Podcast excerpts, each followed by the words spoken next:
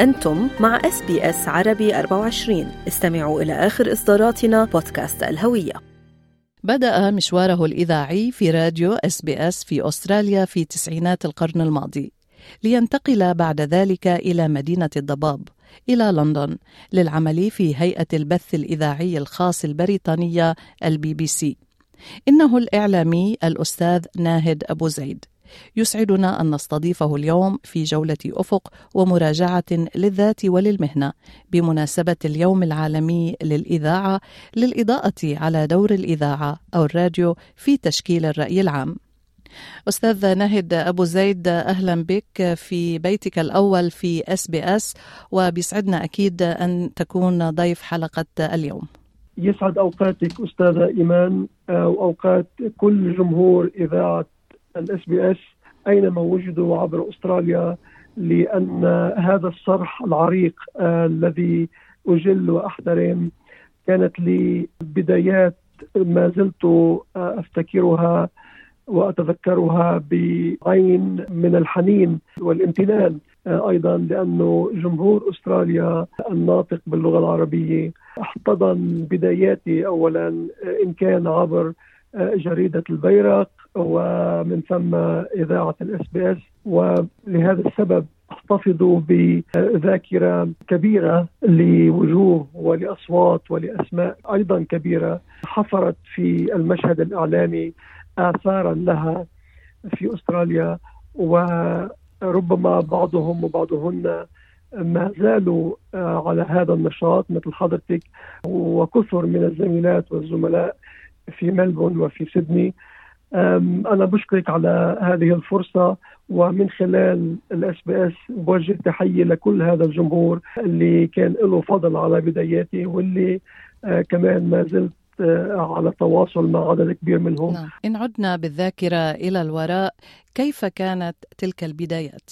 بداياتي في ال SBS كانت بتشجيع من الزميل والأستاذ حبيب الزغبي بوقتها كانت ال SBS عم بتحاول توسع كادرها في في ملبن واقترح علي الأستاذ حبيب إني أتقدم من الإذاعة بطلب توظيف. وقتها كانوا طالبين freelancers ومن ثم تحول العقد من freelancer إلى إلى part time بدوام جزئي.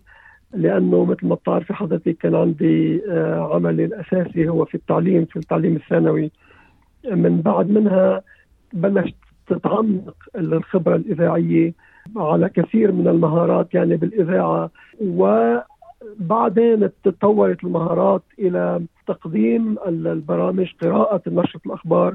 ومنها إلى طبعا إدارة كل ما هو في الاستوديو. أستاذ ناهد ما هو دور الراديو برأيك مع وجود الآن وسائل التواصل الاجتماعي وطبعا محطات التلفاز والفضائيات وكل ما توفر من وسائل الإعلام الحديثة؟ الإذاعة بشكل عام استاذه إيمان أو الراديو بشكل عام أداة الفقير خليني أشرح أي منطقة في أقصى اصقاع الأرض. بيكفي انه يكون عنده جهاز ترانزستور أي شخص لحتى يلقط الإذاعة اللي بده إياها طبعا حسب أنظمة البث والالتقاط وغيره. ولكن ما في حدا يقدر يوقف بوجه بوجه الراديو وبوجه استخدام الناس للراديو يعني لحد اليوم. نعم. لأنه في كثير مناطق بعدها لا الإنترنت وصلتها ولا أعمدة البث وإعادة البث الخاصة بالبث الرقمي أو البث التلفزيوني وصلتها. فاعتماد هودي الناس على الراديو إضافة إلى إنه الراديو مرافقك وين ما كنت بالمكتب بالسيارة. أنا أحيانا يعني عندي هواية الطبخ لما بقعد بكون عم بطبخ بالبيت الراديو حدي والراديو على طول شغال. طبعا مش على الأخبار يعني بس في راديو في راديو على طول. طبعا في مواضيع مهمة يعني من تحقيقات من لقاءات أكيد الراديو يعني بالزبط. ليس أخبار فقط. بالضبط. فمهما تطور تطورت وسائل الإعلام الراديو فرض حاله وما زال يفرض حاله كحضور مكمل وليس منافس. وفي كثير ناس بينظروا للراديو كأنه منافس للتلفزيون والتلفزيون منافس للراديو والإنترنت وغيره.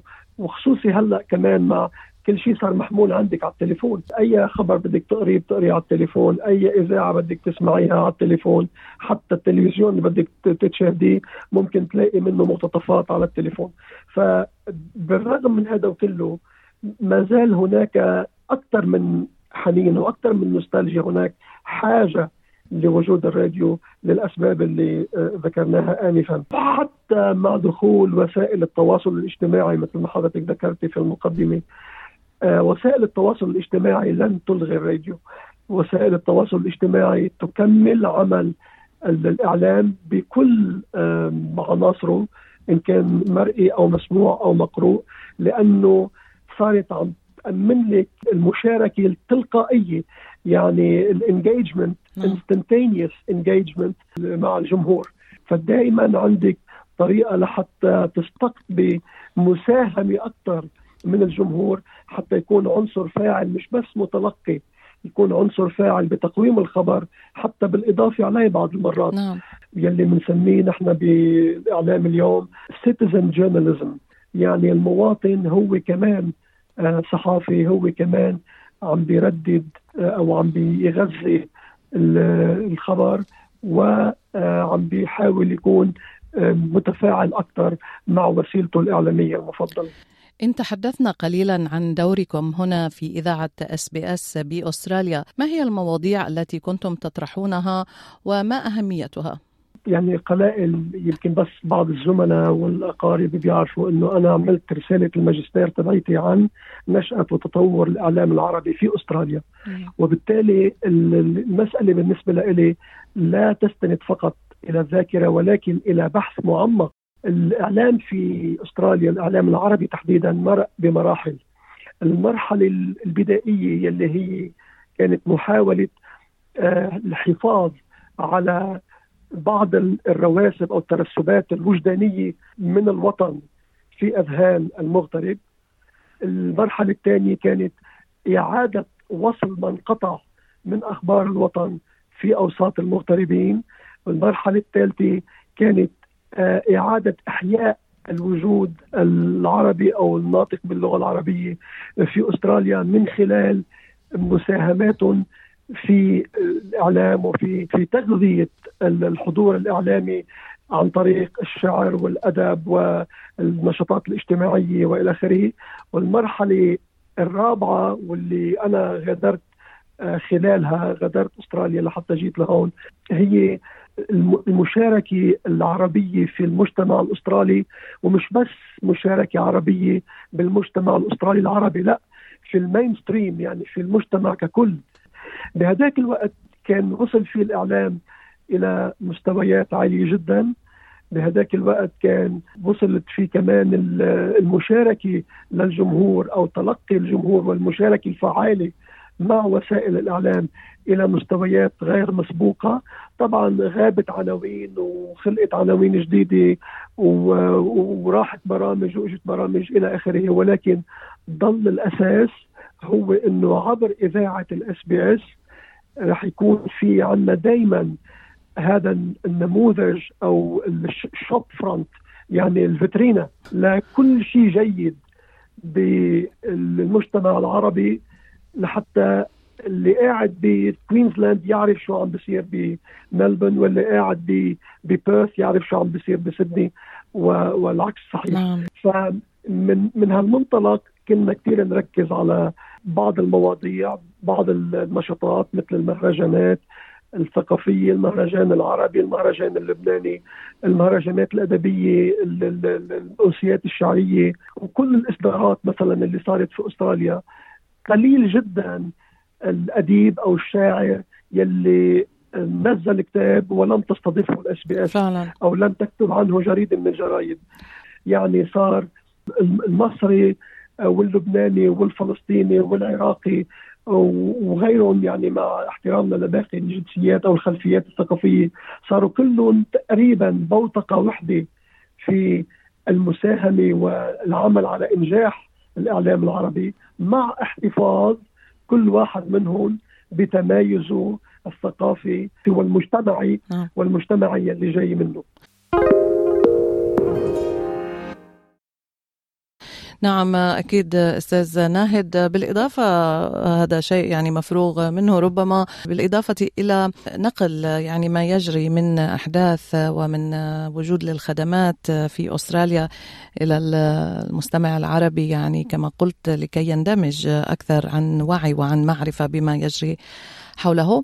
إذا كل هذه الإنجازات وهذا الفخر بهذه الإنجازات لكنه لم يمنعك من المغادرة. عندما جاء صوت البي بي سي تركت ال SBS وذهبت إلى لندن. خبرنا عن هذه التجربة. في الحقيقة كانت هيدي مجرد صدفة تضحكي بتقولي يعني كيف صدفة غيرت لك حياتك هالقد كنت قاعد في ال SBS وخلصت نشرة الأخبار قبل ما نطلع على الهواء الساعة 7 أه بعمل دائما جولة على المواقع العالمية. من أجل أن أتحقق بأنه نشرتي العالمية على الأقل لأنه النشر المحلية ربما لن ينطبق عليها المعيار اللي بدي أقول لك عنه هلأ. ولكن الأجندة العالمية the news agenda العالمية أه لم ينقصها أي شيء من الأخبار المهمة. فكنت شوف ال CNN وال BBC وغيره وغيراته من وسائل الإعلام المتاحة وإذ بلاقي بهامش البي بي سي إنه في فرص للتوظيف. فأنا انطلاقا من حشريتي بس لا أكثر ولا أقل قمت بعثت ال CV إذا بدك إذا مهتم ابعث لنا ال CV بعثت ال CV راحت العملية ثلاث أربع أشهر. قلت أنا, أنا نسيت الموضوع وقلت أنا يمكن هم نسيوا كمان. بعدين بيجيني رسالة بتقول إنه شكرا على اهتمامك. رح نتصل فيك من أجل تحديد موعد للفحص الاختبار الخطي قبل نعم. المقابلة. بعد منها كمان راحت ثلاث أشهر بعثوا الخبر. عرفنا قدمت الامتحان وقتها أنا واثنين من الزملاء. في منزل مراسلة البي بي سي في ملبن. نعم. فكانوا بالخط بالظرف المختوم. قدمنا الامتحان وبعدين قالوا لنا okay بعد ثلاث أشهر كمان قديش صار لنا شي تسعة اشهر تقريبا. نعم. آه بيبعثوا لنا الخبر إنه مبروك نجحت بالاجتماع بدنا نتصل فيك لحتى نحدد المقابلة. مم. كل العملية هيدي صارت ب يعني ما لا يقل عن ال 14 شهر. نعم. فاخر شيء قالوا لي وين بتحب نعمل المقابلة بالقاهرة أو بلندن؟ قلت لهم والله بنعملها على القمر. إذا أنتم بتدفعوا تكاليف الانتقال بس يعني أنا ما فرقني معي. فقالوا لي لا طب بنعملها على التليفون. أوف. وهكذا كان. نعم. وهكذا كان. آه عملنا المقابلة على التليفون وتم الاختيار اخره ولكن شو اللي خلاني أقبل العرض وإجي على على البي بي سي لأنه حسيت إنه بعد نهمي الإعلامي بالمهارات والاشياء اللي ممكن بعد اتعلمها من مؤسسات اعلاميه عالمية عريقة مثل البي بي سي آه هذا النهم لم يشبع بعد. وهذه الفرصة نعم. إجتني. بهذاك الوقت بأي بهداك سنة الوقت يعني؟ كنت خلينا بس نذكر المستمعين. ال application قدمتها بلشت فيها بسنة 2000 لحد ما جيت على. على على لندن كانت نوفمبر 2001 وقلت بيجي بجرب حظي بالبي بي سي وهيك سنتين ثلاثة وبرجع على أستراليا على ملبن مزود بمهارات جديدة وغيره. لكن مدينة الضباب جذبتك إليها وبقيت هناك سنوات طويلة. حجبت حجبت حجبت ضباب وأنظاري عما غير عما سواه. الحقيقة الحقيقة لا.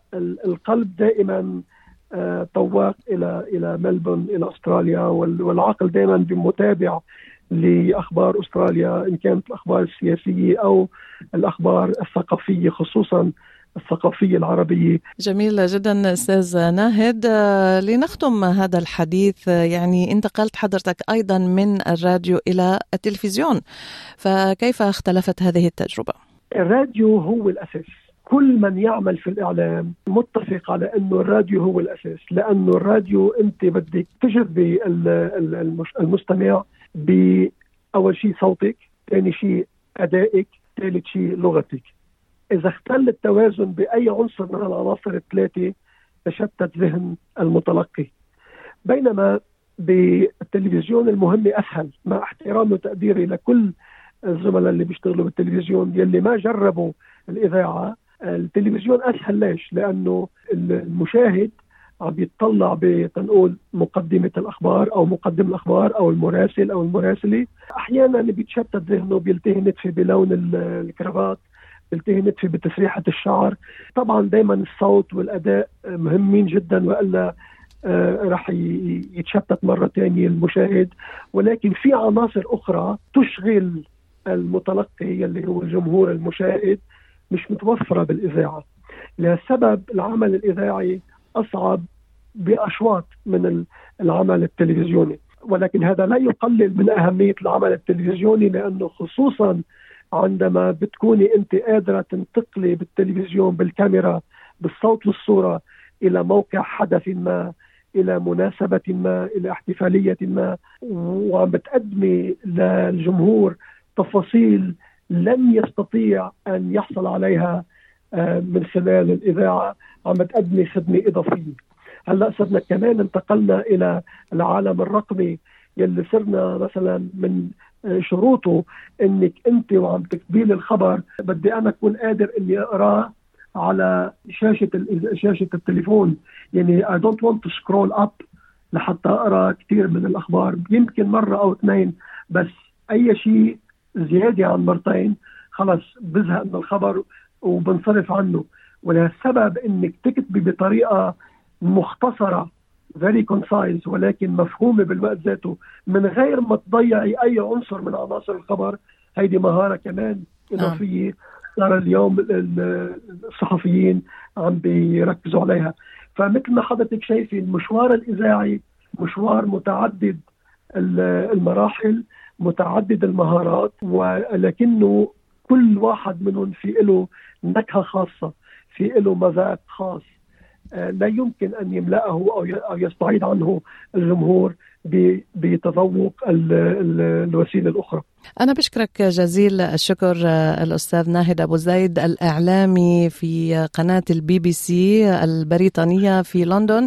جلنا معك على تاريخك باختصار أكيد هناك الكثير من يعني كتابات لحضرتك ونشر كتب وأيضا بالمجال الإعلامي يعني في كثير ممكن أن نضيء عليه. لكن طبعا لضيق الوقت اليوم بنشكرك جزيل الشكر على هذا الحديث الغني ونتمنى لك كل التوفيق. وأنا اللي بشكرك بلغي محبتي وشوقي لكل من يسأل ومن لا يسأل. كل واحد سامع الصوت يعرف إنه في له مكان كثير كثير كثير كبيرة بقلبي.